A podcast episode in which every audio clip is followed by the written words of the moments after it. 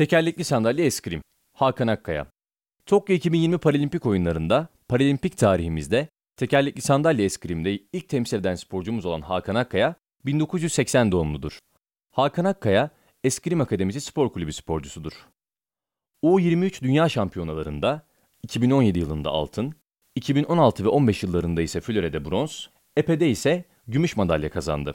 Hakan Akkaya, Tokyo 2020'de Epe ve Flore dallarında piste çıkıyor.